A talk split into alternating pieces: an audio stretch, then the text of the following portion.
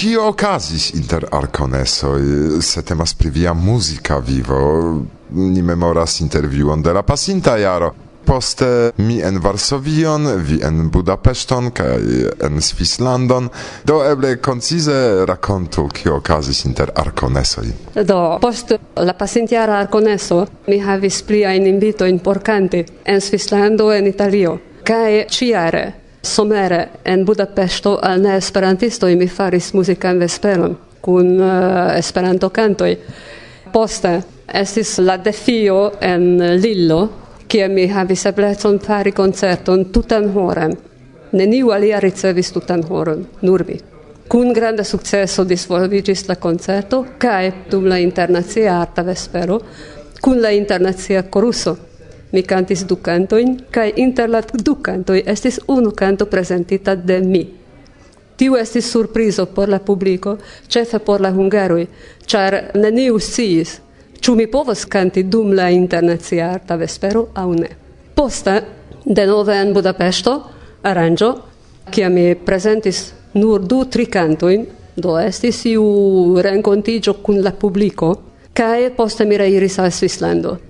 En Svislando la unua ebleco por canti giuste estis en augusto, kai en aŭgusto mm, estis tie nomata lingvo curso por unu persono kiu venis lerni Esperanton kai estis unu vespero dedicita al Esperanto cantoi.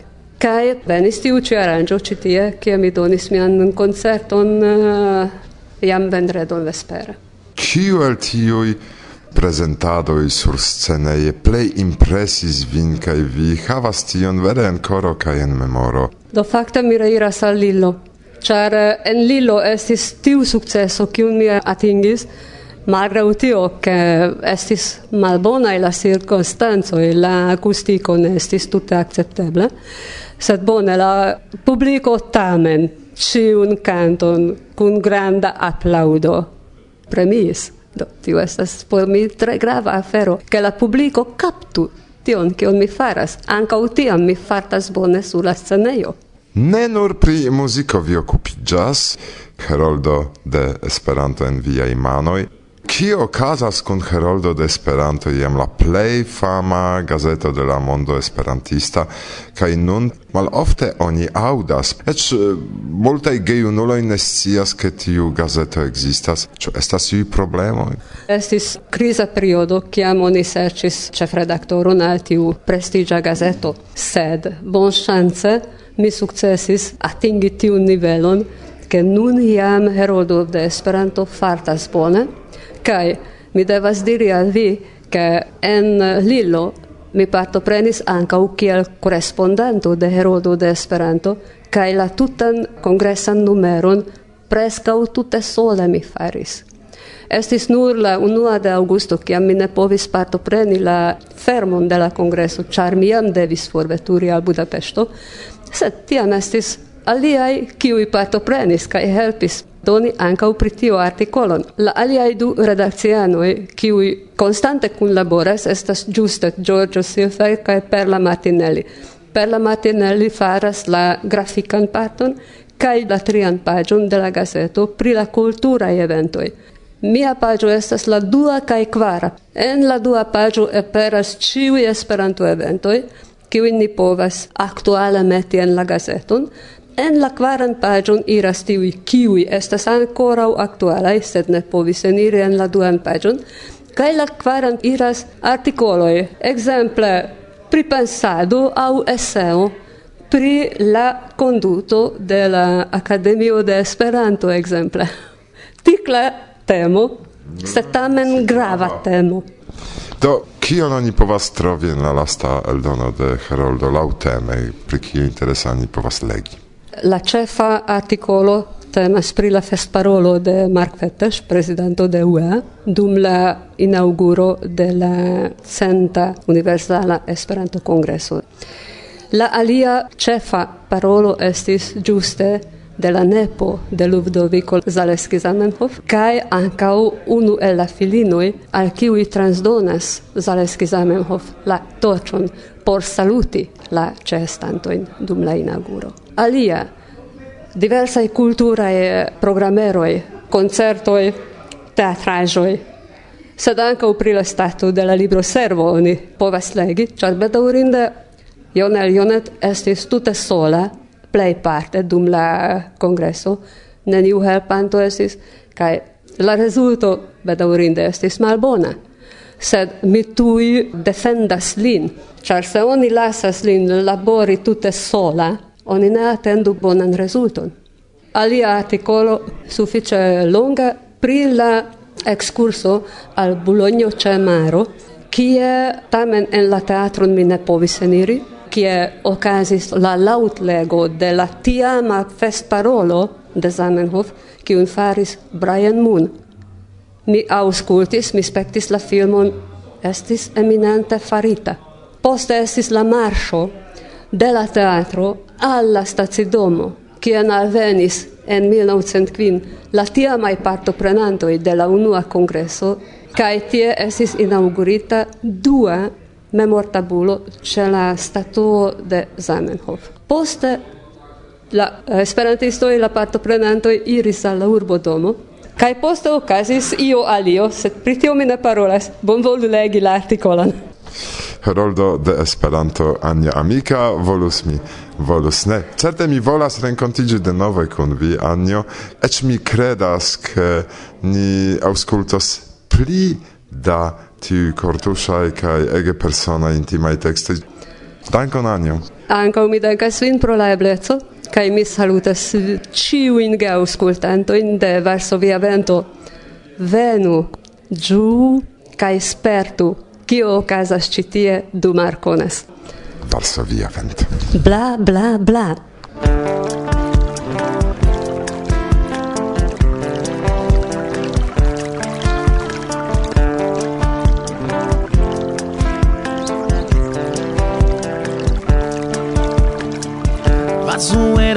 freno la manteno quieta la tronera cielo sentis bluan rideto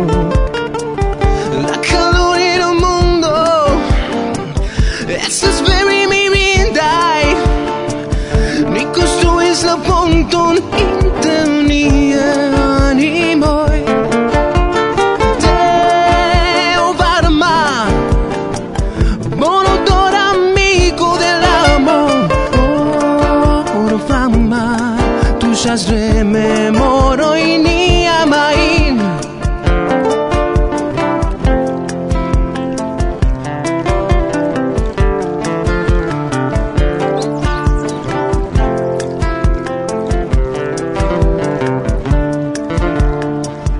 Vortoj kiel rivero penetras en koro trinkaĵo mistera oro. La calorira mondo Estas berri mirindai. Ne construis la ponton inter ni Ai animoi. Teo varma Bonodora amigo dell'amo. Oh, oro flamma Tu già rememoro in iamai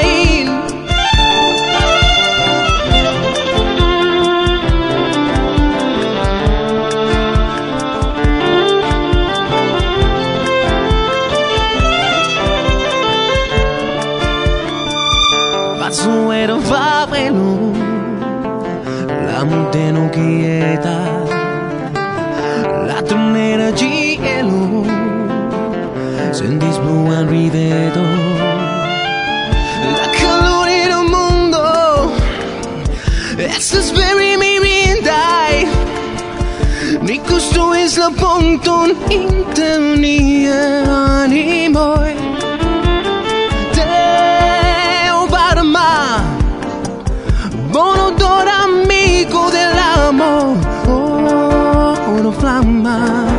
puŝas rememorojn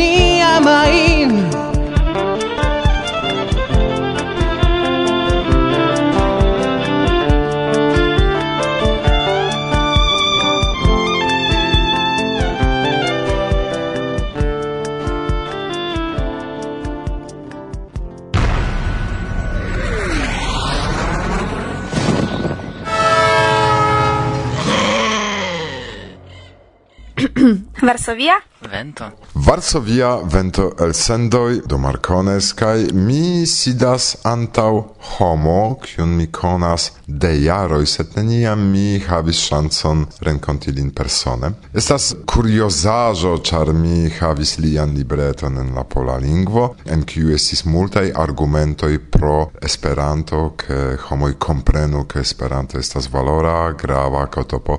Kaj tiun libreton ciam volonte mi usis do revenu nia la gasto. Ah, uh, yes, mi ne estas Zenon Klemenševič, kiu estis famulo kaj verkis iam broŝuron ĉi var warto się zajmować Esperantem, kiu estis modelo por mi ĉu valoras okupiĝi pri Esperanto. Li estis famulo lingvisto, kiu mortis en la viadila accidento anto multa jaroj, kiu mi bedauris, ĉar vi estis vere autoritato en scienzo en lingvistiko. Kaj la broszuro, kion vi menciis kun mia nomo, mia nomo estas Leszek Kordylewski, a mi fakte fieras pri tiu broŝuro ke ĝi tiel disfamigis min ĉar mi verkis por la junulara kongreso kiu okazis en Krakovo en 1900 mi ne memoras kiam tio estis. Ĉu okdek sepa estis? Post la universala kongreso en Varsovio yes do okdek sepa. A mi amiksas ĉe datojn ĉar mi estas pli ol duoncentjara esperantisto. Do eh, mi aktivis kiel junulo poste ne tiel aktivis pro mia profesia laboro kaj ankaŭ pro la elvojaĝo el Pollando, ĉar mi nun loĝas en Usono. Sed tiam pro la congressa arrangoi oni invitis min prelegi dum la congresso pri rolo de Esperanto en scienzo ĉar mi estas sciencisto la profesio, do kio sias pli bone, kiun rolon Esperanto povas ludi por scienzo aŭ scienzo por Esperanto. Do mi tiam ion verketis, ion malgrandan broŝuron kiun studentoj fakte eldonis. Kaj mi eĉ forgesis pri tio, sed mi havis iujn ideojn ke Esperanto devas esti bona objekto por studoj de diversaj diversai faculoi sciencistoi, char por mi Esperanto estas fenomeno ne comparebla al io alia en la mondo, sed bedaurinde la publicon ne bone konscias tion, kiel esperantistoi funkcias, kio estas Esperanto kaj tiel plu.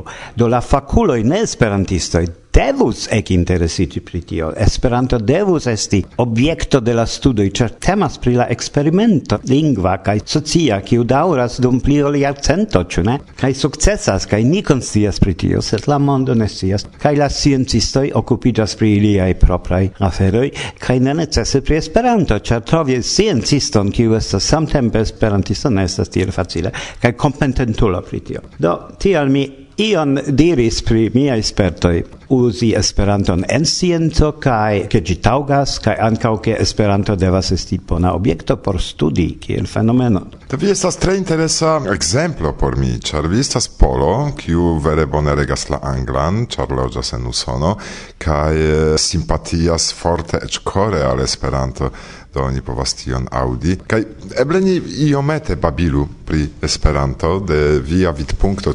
Kio estas kun la angla kun tiu afero ke eĉ esperantistoj diras ke Esperanto ne plu havas sencon kaj la fina venko neniam venos. Do kio povas esti kun Esperanto laŭ vi?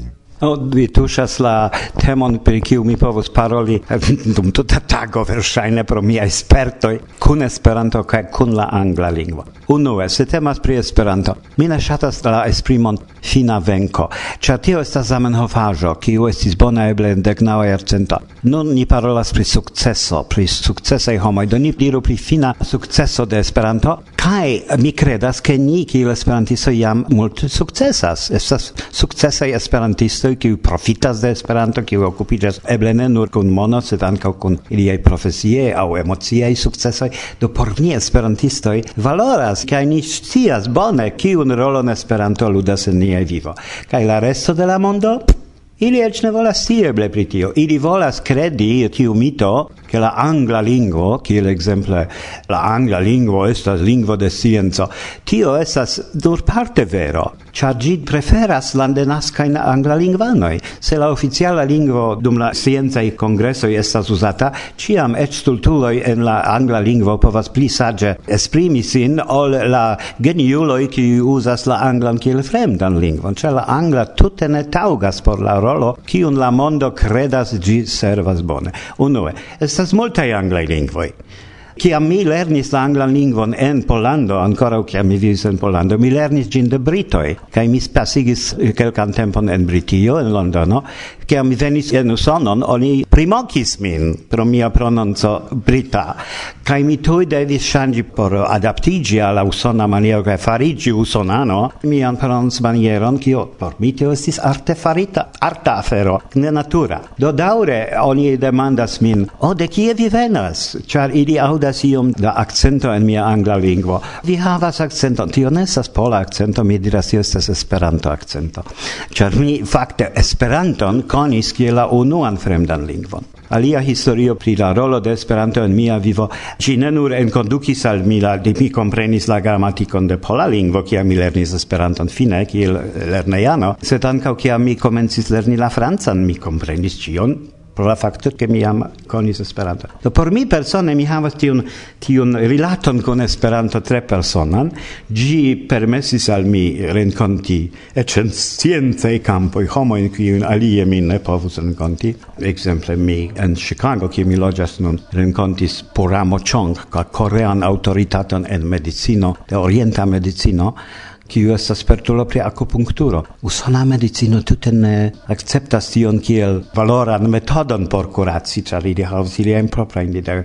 Mi havis privatan esperantistan kontakton kun li kaj ni havis interesajn diskutojn pri la rolo de orienta medicino, kiu estas multe pli aĝa ol medicino mm, eh, okcidenta. Do estas ekzemplo kiel Esperanto helpis al mi kontakti profesiulojn aliaj sciencistojn, kiu ankaŭ estas esperantistoj. Do, denove parolante pri la angla lingvo, mi credas che la angla tutte ne taugas por la rolo, kion homoi eh, credas che gi funccias tiel. Char se ili ne bone conas la anglan, ili eble povas usi gin, sed por mi tio estas ancau artefarita lingvo angla lingvo en la busoj de nedenaskaj anglalingvanoj. Do kial uzi iun fuŝan lingvon kiu apartenas al iu alia nacio, se ni esperantistoj bone scias, ke ekzistas artefarita lingvo, kiu estas pli simpla, pli facila por lerni kaj donas al uzantoj la konfidon, ke ni precise kai exacte povas esprimi sin. Dum en la angla lingvo ne denas causanto de la angla lingvo neniam havas tion certezon ke mi uzas ĝustan esprimon char nu denas e certas pri ilia uzo de la angla lingvo. Kai de nove esta tio multe da diversa i versioj de tiu de denaskaj lingvoi. Exemple mi laboris en laboratorio en Usono kie ni kiel teamo estis tri homoi. Usonano mi polo cae Japano. Ciam ni discutis sciencon en la angla lingvo, mi con Japano, unu ne comprenis la alien. Cer Japano diris, oh, vi havas polan accento, o iun accenton, cium mi ne comprenas, mi tute ne comprenis Japanan, ciu credis che li parolas la angla. Do ni besonis la usonanon, la tiran personon, porce li traducu de mia angla alla Japana angla, cae de Japana l'angla alla pola angla. Do, tio estas nur exemplo por tio che mi credas la angla tutte ne taugas. Oni baraktas kun la uso de la angla angla lingvo. Kaj oni credas che tio estas solvo, che tio estas comuna lingvo. Dum bone, por quelcae tio funkcias, sed exemple, Vidu, nun mi partoprenis internacian congresson en Polando, ca estis traducisto, kiu parolis kelkain lingvoin. Fine li parolis la anglan lingvon, kai ni excursis kune. La autobuso trapassis la interesajoin. Dum li parolis en la angla, io malrapide, ni jam estis dude kilometron post la interesajo, kiun li racontis. Do, Traducado ne estas solvo de unu lingvo al alia. Gi eh, ne estas preciza, estas eh, temporaba, multe costa ancau, sed vidu kiom da accidentoi de aviadiloi ocasas pro tio, che ili ne havas tempon demand, o oh, ripetu, ripetu, mi ne comprenas, au traducu tion. Ne, bum, ocasas catastrofo, char ne estas tempo por traduci. Kai ili usas la anglan lingvon en aviadiloi, ciu ne, estas oficiala de ciu aviadiloi. Do, ni Ni havas multajn ekzemplojn de scienco kaj de ĉiutaga vivo por ilustri mian ideon, ke la angla lingvo, kiun mi lernis kien fremdan kaj ĉiutaga uzas nun en mia profesia vivo kaj en ĉiutaga vivo ankaŭ, tiu lingvo tute ne taŭgas por la rolon, kiun oni altrudas al ĝi. Mi sciis che vi estas de Chicago rondo, char eh, mi vidis vian nomon eh, en saluton, kiun mi ricevas, kai citie mi devas core saluti Vitoron, kiu multe laboras pri tio. Do vi eĉ ne scias, ke mi de multaj jaroj legas tiun revueton, kaj estas iu ligo inter mi kaj Vitoro, ke Varsovia Vento kun Chicago rondo ia maniere kun laboris iam. Do saluton Vitoro eh, kaj dankon pro saluton.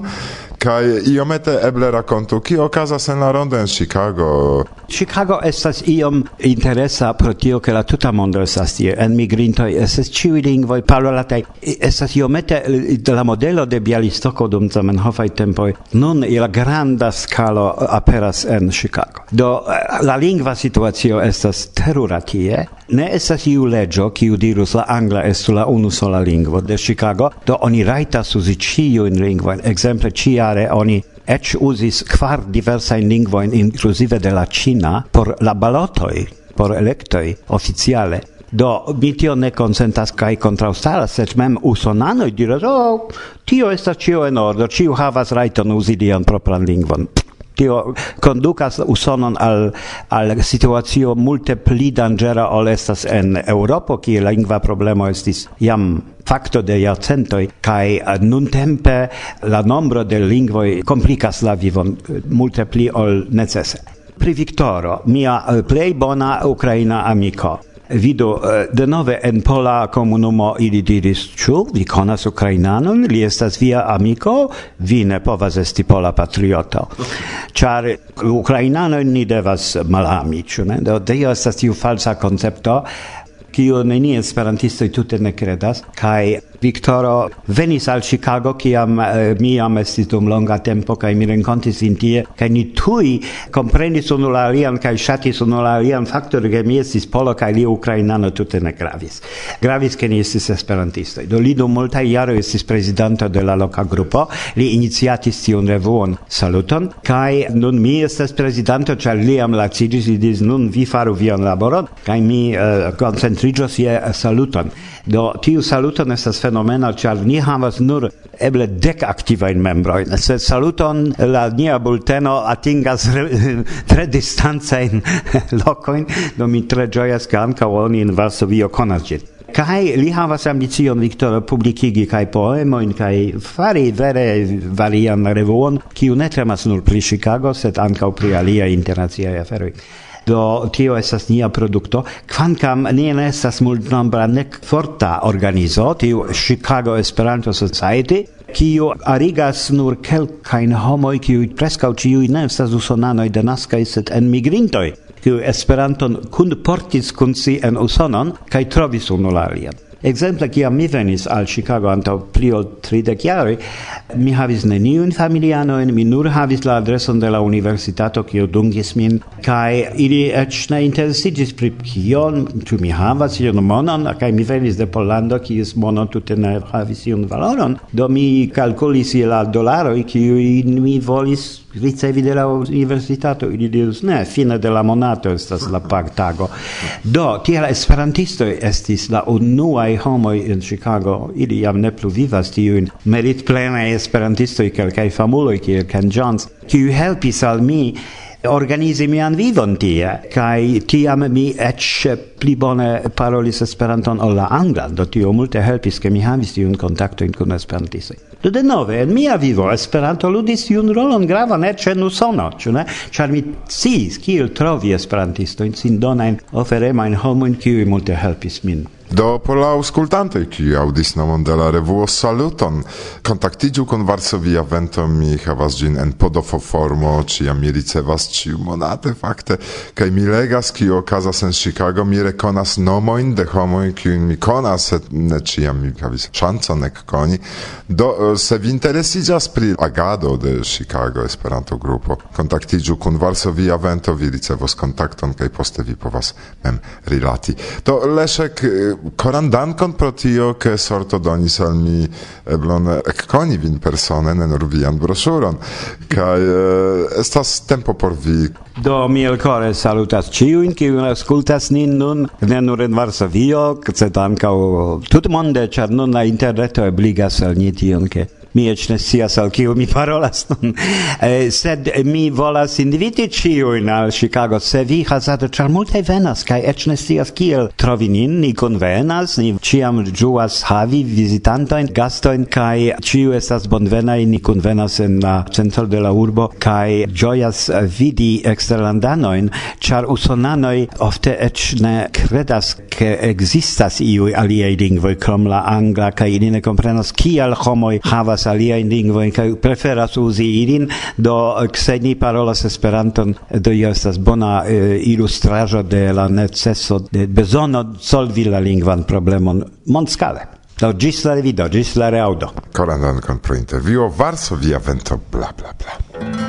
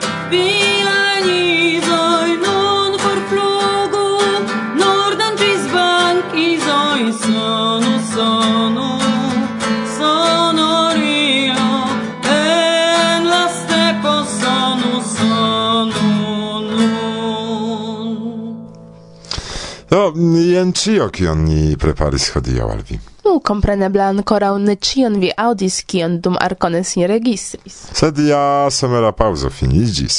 Do, el la provizora studio de Varsovia Vento adiaŭas vin Martusia kaj Irek. Ĝis la baldaŭa reaŭdo. Bla bla bla. bla.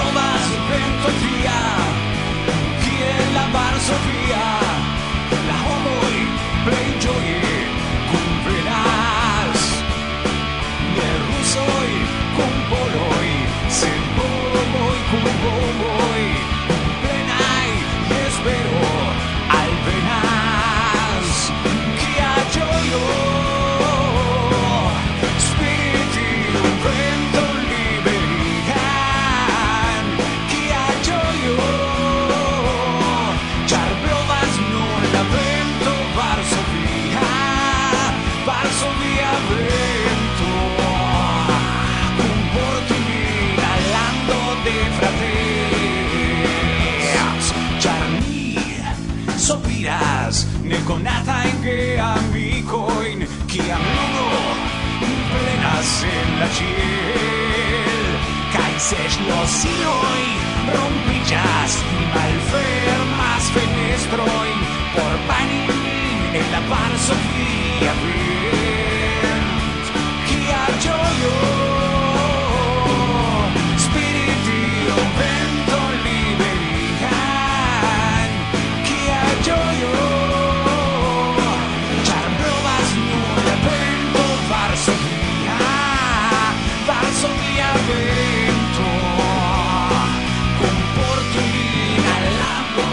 fratez Varso via vento Con Portolina all'ando dei fratez Di fratez